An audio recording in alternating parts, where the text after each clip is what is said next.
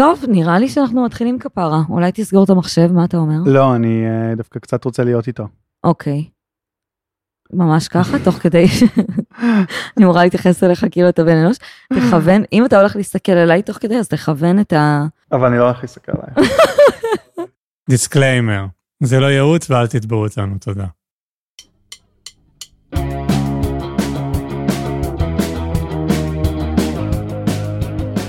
אתם מאזינים לקצה זכות, פודקאסט על כל מה שסקסי בבירוקרטיה הישראלית. עם אפרת שמיר. ותומר מאירי.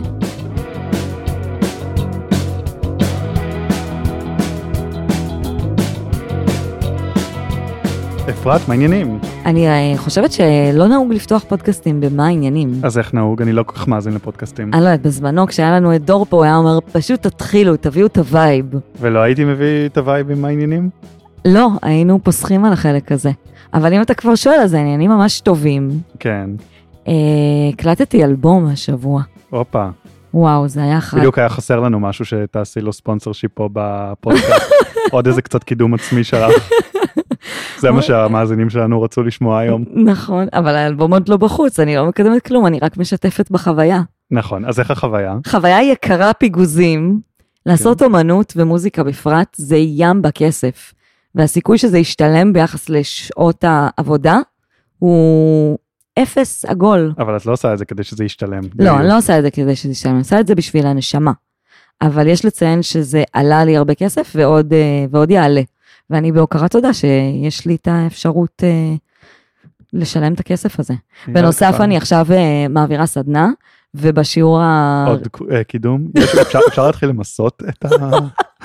לקנוס אותנו על ידי איזושהי רשות על כמות הפרסומות שאפרת עושה פה? זה לא, זה גם לא פרסום. אחרי הסדנה הזאת הבאה רק באוקטובר, מה, אין לי מה. ועוד פרסום. הבאה באוקטובר, מי שרוצה להירשם, לינק בתחתית ה-whatever. בקיצור, אני עושה עכשיו סדנה, ובשיעור הראשון אמרתי להם שהם אמנם לא יודעים את זה, אבל uh, בעל כורחם אני צירפתי אותם uh, בתור uh, משקיעים בהדסטארט הסודי שלי. Mm, ההדסטארט הוא פשוט מי שנרשם לסדנה, כל כספו זורם ישירות ל- לאלבום. לצורך מימון האלבום אז את שלי. גם תרמית פירמידה, בנוסף להכל. ממש כך. אתה חושב שנותרו לנו מאזינים אחרי הפרק הקודם? אה, תשמעי, חברתי הטובה, אה, נקרא לה א'.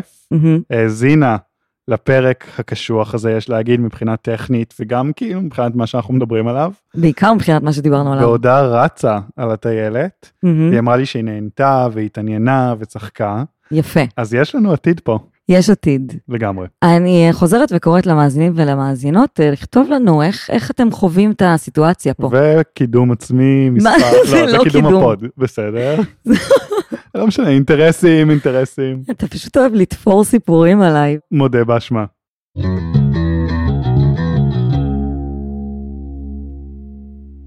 טוב, אז אחרי הפרק הקודם, אני uh, הצעתי שאנחנו נעשה משהו קליל, משהו מתוק, בלי יותר מדי פוליטיקה, רק כזה ממתק קטן וחמוד של uh, הזכות הכי מתוקה בעיניי שיש במדינה. אולי אתה תפוצץ לי את הבועה אני הזאת. הולך לפוצץ, זה הולך להיות מממתק ל... לא יודע מה, גלולה מרה.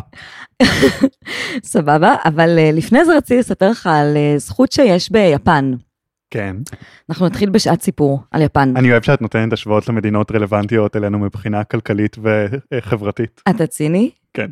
לא לא, מבינה אבל אנחנו ציניות. אוהבים את יפן, אנחנו אוהבים את יפן. אנחנו אוהבים את יפן כלכלה הזויה ברמות, וזה לא ברמות. בתור השוואה, זה פשוט אה, נתקלתי בזכות הזו והיא אה, מתוקה ומקסימה, ויש עליה גם ביקורות, אבל אה, בעצם הסיפור שם, יש שם הרבה סיפורים, אחד מהסיפורים שם זה שבהקשר הכלכלי זה שהרוב המוחלט של הפעילות הכלכלית, מקומות התעסוקה, הייצור של הערך הכלכלי במדינה, מרוכז באזורים אורבניים ואפילו ספציפית בשלושת הערים המטרופולינים הגדולים במדינה. בואי נראה שאת יודעת מה הם. שיתנו, אני לא, אני תהיתי אם לרשום לי בצד, טוקיו, נכון, נגוגו בגובו, יש מצב, ואוסקה. אוסקה, נכון, ומשהו עם נון השלישי. הממ, מעניין. אתם נחשפים פה לרמת התחקיר הדלוחה של הצוות הפוד. אנחנו אנשים דלוחים. low budget, low budget. וואו. אמ, בקיצור, אה, הרוב המוחלט של, אה, של הפעילות הכלכלית בעצם מרוכז בשלושת המטרופולינים האלה, ברמה של אה, אני חושבת באזורים של כאילו שלושת רבעי ממקומות העבודה והייצור הערך הכלכלי נמצא במטרופולינים האלה, לעומת כאילו כל השטחים הכפריים והאזורים הכפריים שהם אה, מחוץ לערים האלה. ומה שקורה הרבה פעמים זה שמי שנולד באזור כפרי או באיזה כזה יישוב נידח או משהו כזה, צעירים מגיעים לגיל מסוים שהם פשוט עוזבים את הכפרים כי אין שם עבודה. ואז גם ה- היכולת של הכפרים והאזורים היותר מרוחקים האלה להחזיק את עצמם כלכלית, הוא, אה, היכולת הזו, מתאפסת. מה היא? מת, מתבטלת, כן. מתבטלת, אה, ויש פערים מאוד מאוד גדולים כלכליים בין המטרופולינים לבין האזורים האחרים. אז אה, אחד המנגנונים שהם מצאו בשביל להתחיל לסגור את הפערים האלה, זה מנגנון מתוק מתוק מתוק, שבעצם מאפשר לכל בן אדם שגר במטרופולינים הגדולים, אה, לעשות איזושהי תרומה, קוראים לזה hometown tax. כביכול זה תרומה להומטאון שלו, לאזור הכפרי שממנו הוא מגיע. בתכלס מאפשרים להם לעשות את זה לכל כפר או אזור אה, אה, כזה מחוץ למטרופולינים שהוא רוצה. הוא יכול לתרום להם, אם הוא תורם מעל ל-2,000 ין, שזה בערך 14 דולר, כל הסכום שהוא תורם מעל ל-14 דולר האלה, מופחת לו מתשלומי המיסים שלו. הופה, אז זה בעצם אומר שאם אתה תורם אה, 14 דולר, ואם אתה תורם 100 דולר, 200 דולר או 500 דולר, אתה משלם על זה בעצם אותו דבר, כי כל מה שמעל 14 דולר, מופחת לך מחובת המס שלך. כאילו יש לך אלטרנטיבה, או לשלם את זה כמס, מטורף, זה מימון מטורף של הממשלה את האזורים האלה, בכאילו כמעט כסות של התרומה האינדיבידואלית של הפרט. נכון. אבל זה ממש העברה של כסף מהממשלה למקום, אבל מה מונע מהפרט אז לתרום מיליון דולר? יש תקרה, שמה היא? אה, זה הולך לפי הגודל משפחה ונשואים או לא נשואים, כמה ילדים יש וזה, אבל יש שם עוד איזה היבט יותר מתוק מזה, שבתמורה לתרומה הזאתי, חלק מהכפרים או האזורים או היישובים נותנים לתורם איזושהי מתנה שהיא מיוצרת ברמה המקומית. אז זה יכול להיות איזה קראפט כזה שמכינים שם, וככל שיש יותר ויותר תחרות על התורמים, כל כפר רוצה שיתרמו לו כמה שיותר. ככל שיש יותר ויותר תחרות על זה, אז הדברים שנותנים כמתנה הולכים ומשתכללים, וזה כבר מגיע לרמה של בשר מיושן, וואו. פירות וירקות, בירה מובחרת, אוני. לא יודעת, כלי נגינה, דברים סופר יקרים. עכשיו, זה, זה גם הפך כזה, כבר יש על זה ביקורות, שזה כבר הפך להיות כזה ממש שוק כן, פרטי, ומסחרה, ויש ממש קטלוג, כאילו זה לא, נראה כמו קטלוג, כי זה- נכנסתי לאתר. זה רגע, אני צריך להגיד, זה 14 דולר זה על חשבון, זה בפועל, זה, זה כמעט uh, מושחת.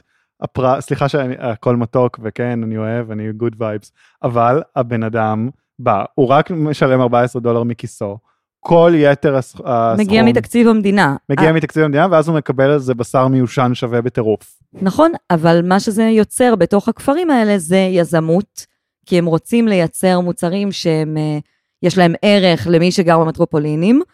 לא חשוב, אל תעשה לי עכשיו אבל- צקצוקים, זה לא נושא. הפרק. לא, אבל שנייה, אני יודע שזה לא נושא הפרק ואת רוצה שזה יהיה חמוד ומתוק, אבל אפרת, בפועל, אם יש מישהו שלא רוצה לתרום להום טאון שלו, אבל זה, אם יש הום טאון שכולם רוצים לתרום לה, נכון, ויש הום טאון אחרת נכון. שאנשים לא רוצים לתרום לה, למה שהממשלה לא פשוט תיתן את הכסף כמו כאילו אלוקציה נורמלית של תקציבים שהממשלה אמורה לעשות, למה זה המנגנון ההזוי הזה? אתה צודק, יש פה עוד היבט למנגנון הזה, שהוא אמור לעודד אנשים אה, פחות להעלים מס. כי ברגע שאתה תורם את הכסף הזה, אתה צריך לבקש בקשה להחזר מס. ואז אתה מדווח כאילו על המיסים שלך כמו שצריך, זה עוד דרך לגייס אנשים כזה להרגיש תחושות יותר חיוביות ביחס למיסים שהם אה, משלמים. הבנתי, אז התשובה בעצם למה שאני אומר זה שפשוט יפן הזויה קצת ב vibe, וזה הדינמיקה שהם בחרו. איזו תשובה אה, מסוימת. לא, שיש לזה גם אפקט חיובי, שהוא לא מושחת או לא זה. ברור. אבל עזוב את הקשקושים האלה. נכון, זה היה נחמד אם היה כזה בישראל. כאילו, בסוף, בוא נתחבר רגע זה למתיקות. ב- בטח, אין, לישראל איזה מתיקות הייתה פה, נראה לך, היו פה מוצאים, זה הכל היה עכשיו, כאילו, אם יש לך אח מעל השביעי, אתה מקבל מיליון שקל ודירה בבני ברק, זה מה שהיה. סבבה. אני, אני מתעקשת להישאר על הפן המתוק של הדבר, שאני רואה שאתה ממש מתעקש שלא לראות לא, אותו. לא, לא, אני הכי הכי מפרגן לכל מי שצריך. בסוף זה מאפשר לממשלה להגיד לאזרחים, תתרמו, אני איתכם בזה. אני שמה כאילו מתוך התקציב שלי למטרות או לכפרים או ל-whatever שאתם חושבים שראוי לתת להם. ברור, יש שם גם, יש דברים ציניים בתוך הסיפור ויש דברים קפיטליסטיים בתוך הסיפור, אבל בקטע הזה יש שם משהו שאפשר להגיד שהוא נחמד. נכון, משהו קטן. ויש לזה מקבילה בישראל. אתה ידעת את הדבר הזה? ספרי לנו. אתה ידעת, כי התכוננו לפרק. נכון. uh, המקבילה, אני רואה קווי דמיון. בישראל בעצם uh, יש מנגנון שבאמצעותו המדינה אומרת לכל אזרח, אם אתה רוצה לתרום לעמותה, um, יש כזה קריטריונים של העמותות, הן צריכות להיות לא למטרות רווח, ושיהיה להם איזה אישור ניהול תקין לפי סעיף 46, בלה בלה בלה. אם אתה רוצ... יש איזו מטרה חברתית שחשובה לך ואתה רוצה לתרום כסף לעמותה הזו, אז 35% מסכום התרומה שתרמת, אני אפחית לך מתוך תשלומי המיסים שלך. אז בוא נגיד שיש מישהו שחובת המס שלו בשנה מסוימת היא 2,000 שקל, ואז הוא תורם 1,000 שקל לעמותה, אז בעצם 35% מסכום התרומה, שזה 350 שקל, יופחתו מתוך חובת המס שלו, מתוך ה-2,000 שהוא חייב. אה, שזה דבר מגניב. אה, דבר מגניב מאוד. תני לי לשאול אותך שאלה עכשיו, אפרת. תשאל אותי. הבן אדם שרוצה לקבל זיכוי על התרומה שלו. אחלה, הוא תרם לעמותה נהדרת, למטרה נאצלת, הוא רוצה לקבל את הזיכוי, איך הוא עושה את זה?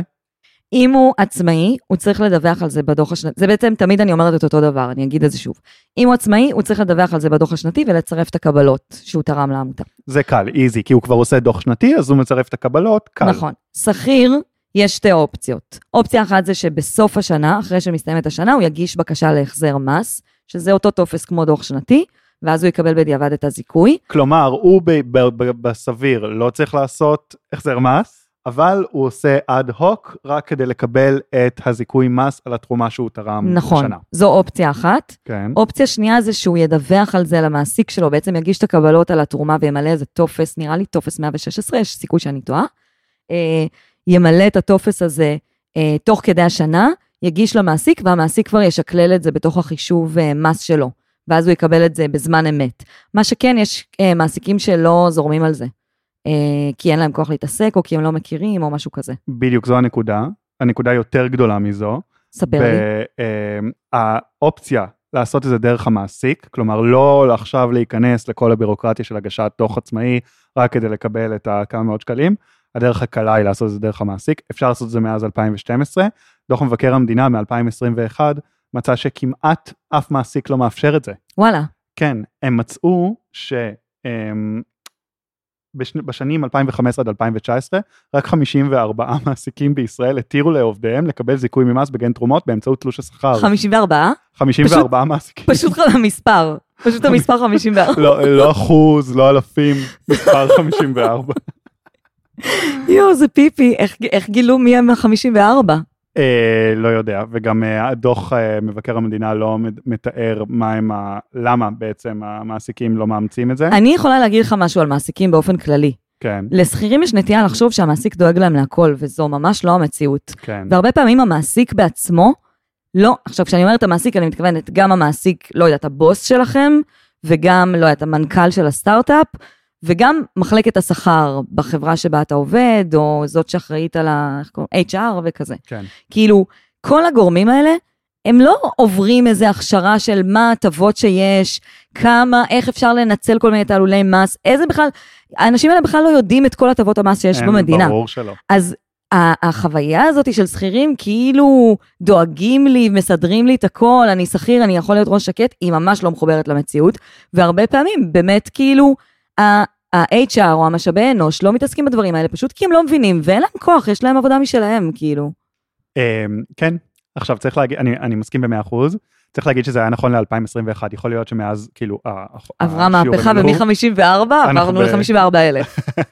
אני מקווה מאוד, אבל גם צריך להגיד שהדוח מבקר המדינה היה מ-2021, יכול להיות שמספר המעסיקים שכן מאפשרים את האפשרות הזאת של כאילו תוך כדי בתלוש השכר, תוך כדי השנה, גדל. גדל, אבל בכל מקרה אפשר לעשות החזר מס בצורה די פשוטה באמצעות אתר רשות המיסים, אמ, וזה לא כזה סיפור גם אם המעסיק שלכם לא מאפשר, כנראה כדאי אם אתם תורמים בסכומים בתרומות של מעל 200 שקל. כן, אז אפשר להרוויח מהזכות הזאת אם תורמים יותר מ-200 שקל בשנה, ואם אתם בכלל מגיעים לרמה שאתם משלמים מס במשכורת שלכם או בהכנסה מהעסק. מי שלא משלם מס, הזיכוי לא יעזור לו. אה, לא משלם מס הכנסה ולא משלם גם מיסים אחרים, נגיד מיסים על אה, השקעות בשוק ההון וכזה. כאילו, לא, אם אתם לא משלמים אף סוג של מס, על הכנסות, אז הזיכוי לא יעזור לכם.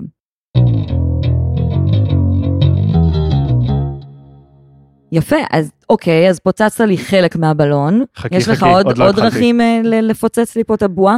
אני כן. נשארת בעמדתי שזה מתוק. כשאני לא, לא, זה מתוק, זה אחלה, זה, זה מטרות טובות. Um, אבל, זה כמו, like anything שנכנס כאילו למרחב הציבורי הפוליטי, הוא מתלכלך.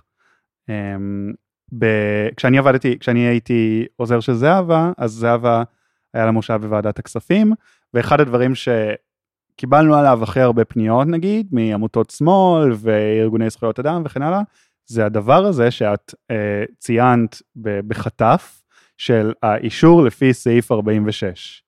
מה קורה שם?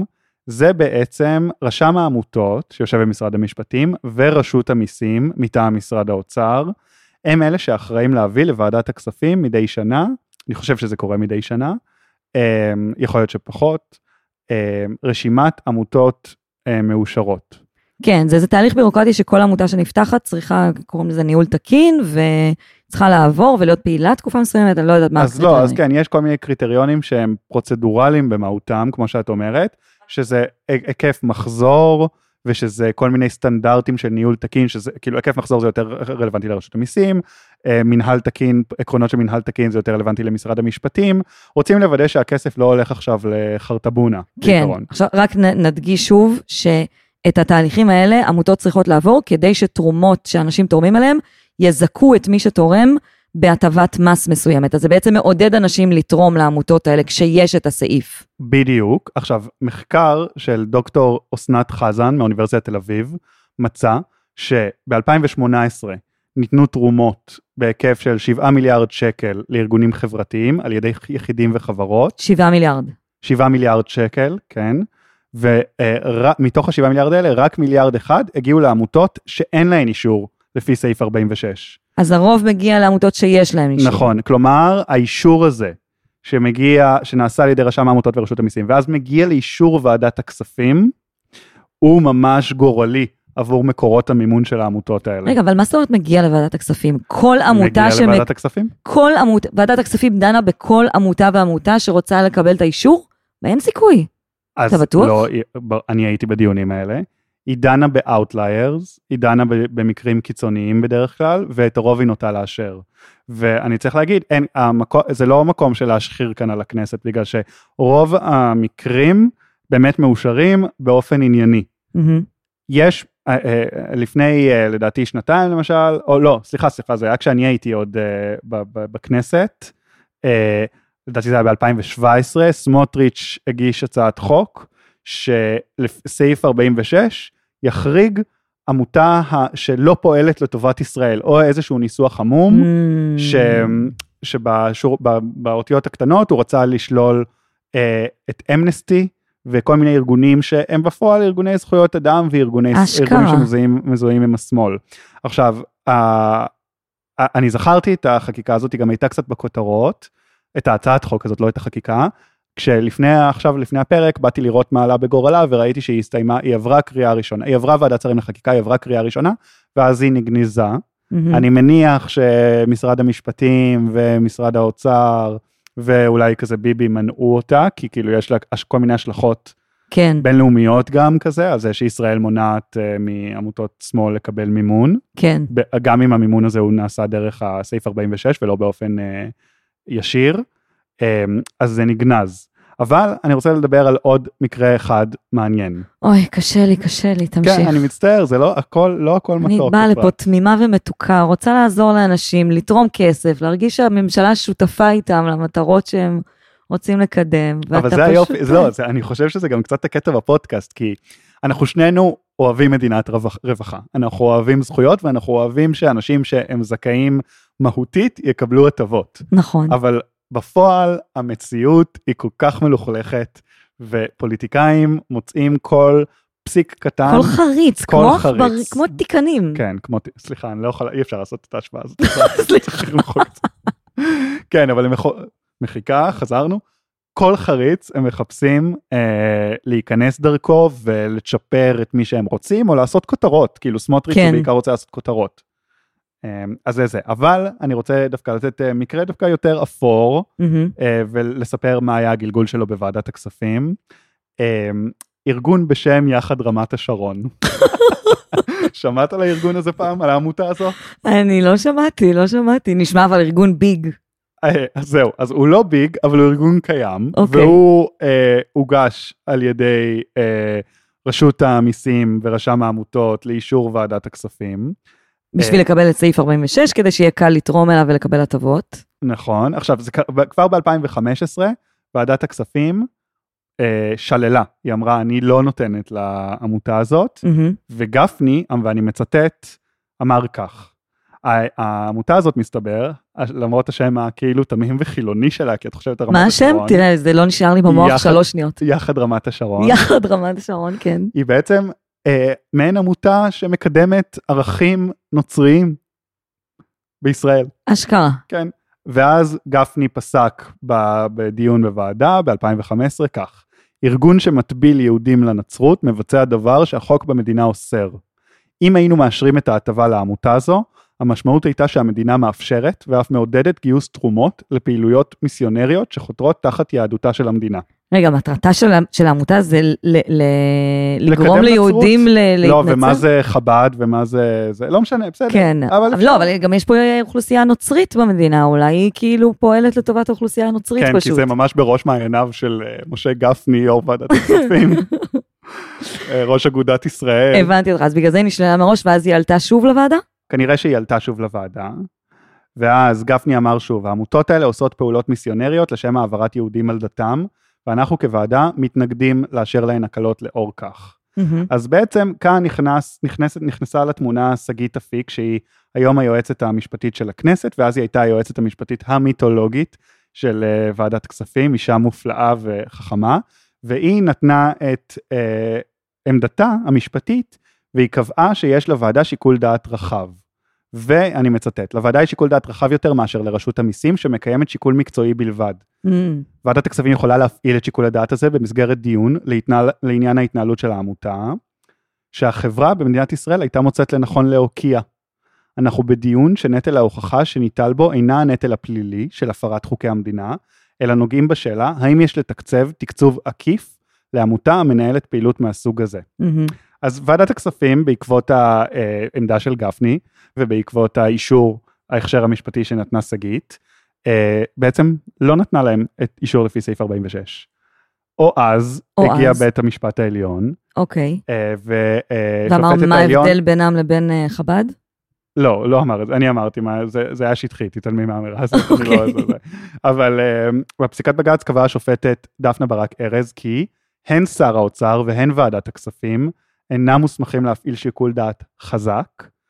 אה, מסקנה זו נלמדת, היא אומרת, הן מלשון החוק, הן מהגיונו הפנימי והן מתכליותיו. זאת אומרת שוועדת הכספים לא אמורה להפעיל שיקול מוסרי לגבי, חזק, כאילו משהו אה, דרמטי, לגבי איזה, איזה פעילויות אה, התנדבותיות שלא למטרות רווח עמותות אמורות לי, אה, לעסוק בהן בשביל שהם יוכלו אה, ליהנות מזה שאנשים שתורמים להם אה, יזכו בהטבה. בדיוק. ואת יודעת איזה אה, עמותה בג"ץ לא אתגר, או אה, כאילו לא מאותגרת וכן מאושרת לפי סעיף 46, עמותת חוננו. את מכירה אותה? לא. עמותת חוננו, עיקר עיסוקה הוא הגנה על מחבלים יהודים ומאבק בשב"כ, לא, למעשה. זה הטייטל שלה? לא, זה הפועל, הפועל שלה. אמ, זה ממש, הם מייצגים ייצוג משפטי ומסייעים למשפחות של אוי, אוי, אוי. מחבלים יהודים. אוי, קשה לי. אמ, וממש העברות כספים לרוצחים יהודים, כמו למשל, הנה, אחד מרוצחי מוחמד אבו ח'דיר, את זוכרת את הסיפור? כן. הנער משועפאט, בן ה-16, שנשרף, הוצת בעודו בחיים על ידי די, שלושה די, אני יהודים. קשה לי עם התכנים, תומר. אז אחד היהודים האלה מקבל ייעוץ משפטי וסיוע כספי יואו. מעמותת חוננו שמאושרת לסעיף 46 לפקודת מס הכנסה, ומי, כן.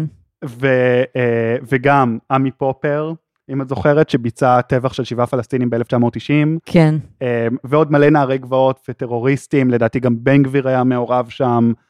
אה, אז אתה חושב שהם כן היה צריך לתת להם חירות אה, להחליט מוסרית איזה עמותות לגיטימי ולא לגיטימי לתת להם את ההטבה? אני אענה לך על זה עוד שנייה, ואני אגיד לך שעכשיו, נכון לשנה שעברה, עמותת חוננו יש לה בעיות עם סעיף 46, וואלה. אבל זה מגיע מטעמים פרוצדורליים, Mm, מהטעמים של המינהל התקין והיקפי מחזור וכן כן. הלאה, אה, ולא מהכיוונים הפוליטיים.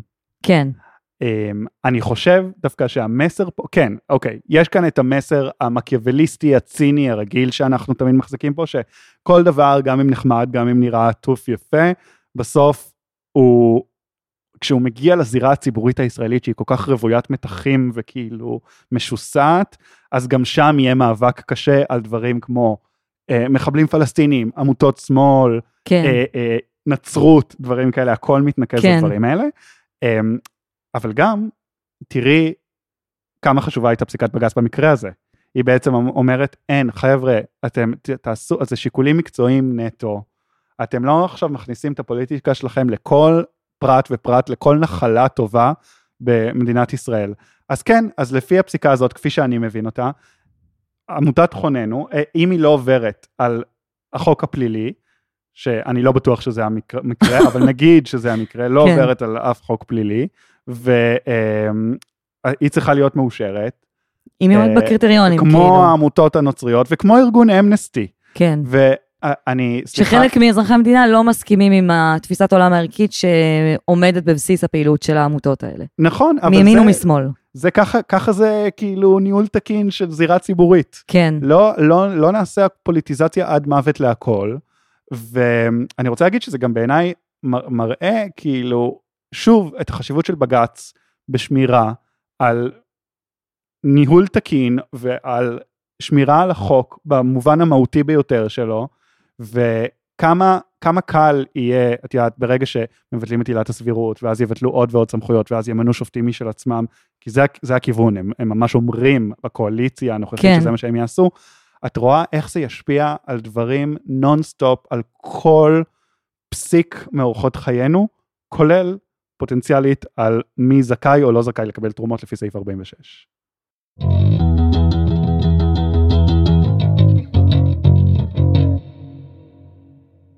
טוב, תומר, אחרי שביאסת לי את הצורה, סורי, אבל היפנים מתוקים. היפנים ממש מתוקים, אז uh, אני רוצה uh, להחזיר קצת האופטימיות למאזינים ולמאזינות שלנו, ולספר לך על העקיצה, אנחנו בפינת העקיצה, אתה מתרגש? כן, אולי אנחנו צריכים ג'ינגל לפינת העקיצה? ג'ינגל לפינת העקיצה. אני ממש רוצה, אה, אולי בהזדמנות אני אעשה את זה, מה? להחליף את השיר סיום, לא, השיר סיום כאילו אחלה, אבל יש שיר של נועם אלפר, שקוראים לו אה, יש מספיק לכולם, וזה נראה לי שיר, גם זה שיר נורא יפה, ובא לי, אז אה, אולי עוד נעשה את זה. מדהים, אני רוצה להגיד דבר קטן, שאם לא מתאים לך, את יכולה אחר כך לחתוך אותו בעריכה, אבל מי שהוא מאזין לפודקאסט, אה, אמר לי שהוא האזין לפרק הראשון, והוא אמר שכילד הוא היה מכניס דיסק של אחינועם ניני ל CD player, אה, כל ערב ליד המיטה והולך לישון עם השירה שלה, וואלה. ש... ואנחנו נכנסנו ועשינו גגים על אחינועם ניני בפרק הראשון. לא, היינו קצת מרושעים אז בתקופה ההיא. עכשיו קצת... זה אה, היה התקופה המרושעת שלנו. כן, כן, עכשיו קצת הת- התיישבנו בדעתנו. יש מצב, אבל בקיצור אמרתי לו שיש מצב שאולי ננגן יום אחד את השיר אורי של אה, אחינועם ניני, ש- כהומאז' אליו. ננגן, ננ- ננגן. לא, נשמיע, אה, התכוונתי. נשמיע, חשבתי ננגן, אני ואתה. קטסטרופה. אמ, אוקיי, אז אנחנו בפינת העקיצה. יפ. אוקיי. עקיצה ראשונה אתה אמור לדעת, כי דיברנו עליה בפרק הקודם, זה מבחן. רגע, אנחנו לא מדברים אבל על עקיצה בהקשר של סעיף 46? של אנחנו- כאילו של תרומות? הזיכוי מס על תרומות, כן. כן. דיברנו על משהו בהקשר- בפרק הקודם, אתה זוכר? דממת אלחוט, רגע, תני לי שנייה, תחתכי את זה בעריכה. אין בעיה. כן, אני חושב שזוגות נשואים, כן, הם בעצם נחשבים על ידי רשות המיסים כיחידה כלכלית אחת. נכון. אה, אז אם אתם ידועים בציבור, אה, לא, אם אתם נשואים אתם יכולים להעביר יפה! להעביר, אה, נגיד אחד אה, מנצל את כל הטבות המס שלו ולשני יש עוד כסף שהוא משלם מס, אבל יש לכם תרומות, אז האחד יכול להעביר את התרומה לשני, לא ולא- להעביר, לרשום על. לרשום על השני, ולא כאילו, הבן זוג שיש לו חבות מס, יכול אה, בעצם לרשום עליו את התרומה ואז לקבל קיזוז מס. וואי, אני כל כך גאה בך, אתם לא מבינים איזה חיוך מרוח לי על הפרצוף. יפה מאוד. אז בני זוג נשואים בלבד, ידועים בציבור לא יכולים, נשואים בלבד יכולים לבחור על, איז, על שם איזה בן זוג הם רושמים את התרומה. זה nice. מוש. זה דבר נייס. אה, דבר שני, יש תקרה לתרומה הזאת, היא גם תקרה מספרית, לדעתי זה איזה עשרה מיליון שקל מיליון, כן. תרומה בשנה, לא רלוונטי לחיינו, אבל זה גם יש תקרה של אחוזים. אסור לך לתרום יותר מ-30% מההכנסה שלך. ממ. נגיד הייתה שנה שמשום מה תרמת יותר מ-30% מההכנסה שלך, אתה תורם אגב? אה, תכלס לא לא. ממש. לא. לא, את תורמת? אני, כל עשייתי בעולם היא תרומה. יאללה, קיומי יאללה. בעולם, בעולם יאללה, יאללה. יאללה. אני, אה, האמת ששנינו תורמים בפודקאסט, אנחנו עושים את זה לא למטרות רווח. אני לא, את, אני לא יודע, יש כאן הרבה promotions. נו. סתם, סתם, נכון, נכון. אתה יודע כמה זמן אני מוציאה לערוך את הפרקים, לעשות את טיקטוקים? זה נכון, אה, מלא. יותר ממה שמשתלם לי מהפרומושן הזה. ברור. בכל אופן, אם מגיעים לתקרה ותרמת יותר מדי בשנה מסוימת, נגיד יותר מ-30% מההכנסות שלך, אז אתה יכול לפרוס קדימה. לפרוס Mm. שלוש שנים קדימה את התרומה, כדי שהשנה לא כאילו תחרוג מעל התקרה ולא תוכל לנצל את הכל, אז פורסים את זה אה, וואלה, כמה שנים קדימה. זה נחמד, מגניב. נכון? למרות שבואי, מי תורם מעל 30% מההכנסה שלו? זהו, אז ניסיתי לחשוב על כאילו דוגמה. בקרב בני נגיד, התמותה. נגיד איזה מישהי שהיא בשנת שבתון, אז ההכנסות שלה נמוכות יותר, והיא תמיד תורמת, לא יודעת, למקרה ש... Mm, אם יש כן, לנו מאזינים יכול ש... להיות כזה דבר, נכון. יכול להיות, כנראה שיש סיבה שאפשרו את זה, כאילו. נכון, אני מדמיין מורה בשנת שבתון, כן, שהיא כזה, היא עכשיו הבן כזה. שלה פתח עמותה והיא תורמת לעמותה של הבן. נכון, וכזה, היא גם, היא, היא כנראה גם נשואה, וכאילו, הזרם ההכנסות שלה הוא כאילו, בסדר, הוא קצת ירד, נגיד השנה. כן, באמת? יכול לקרות. לא אוקיי, יודעת, אם. הם מאזינים, אם אתם נתקלתם בסיטואציות. נתתי יותר מדי צבע, את אומרת, הסיפור הזה. אוקיי, נקסט. אמ, זהו, זה שתי העקיצות המרכזיות, ועוד עקיצה אחת לכל מאזיננו ביפן. כן, אה, הרבים מאוד. הרבים, אם יש לנו מאזינים, האמת שבנתונים לא ראיתי שיש מיפן, יש, יש בארצות הברית כמה ויש אה, בעוד מדינות. אבל אם מישהו מכם אה, מתכנן אה, מתישהו לעבוד ביפן, אז שתדעו לכם שההטבת מס היפנית היא לא רק לאזרחים. כל מי שמרוויח משכורת ומשלם מס ביפן יכול לעשות את התרומה הזאת, את ה-hometown tax, גם אם הוא אירופאי, שה-hometown שלו זה ממש לא אה, כפר נידח ביפן. אה, לקבל מוצרים, לבחור מתוך. הקטלוג, אה, ובעצם אה, להפחית את חובת המס שלו ולקבל מתנות מהאזורים הכפריים של יפן. מושלם. ありがとうございます. מה זה? אריגטו גוזיימאס. מה זה אומר? תודה רבה. נראה לי, או שלום רב.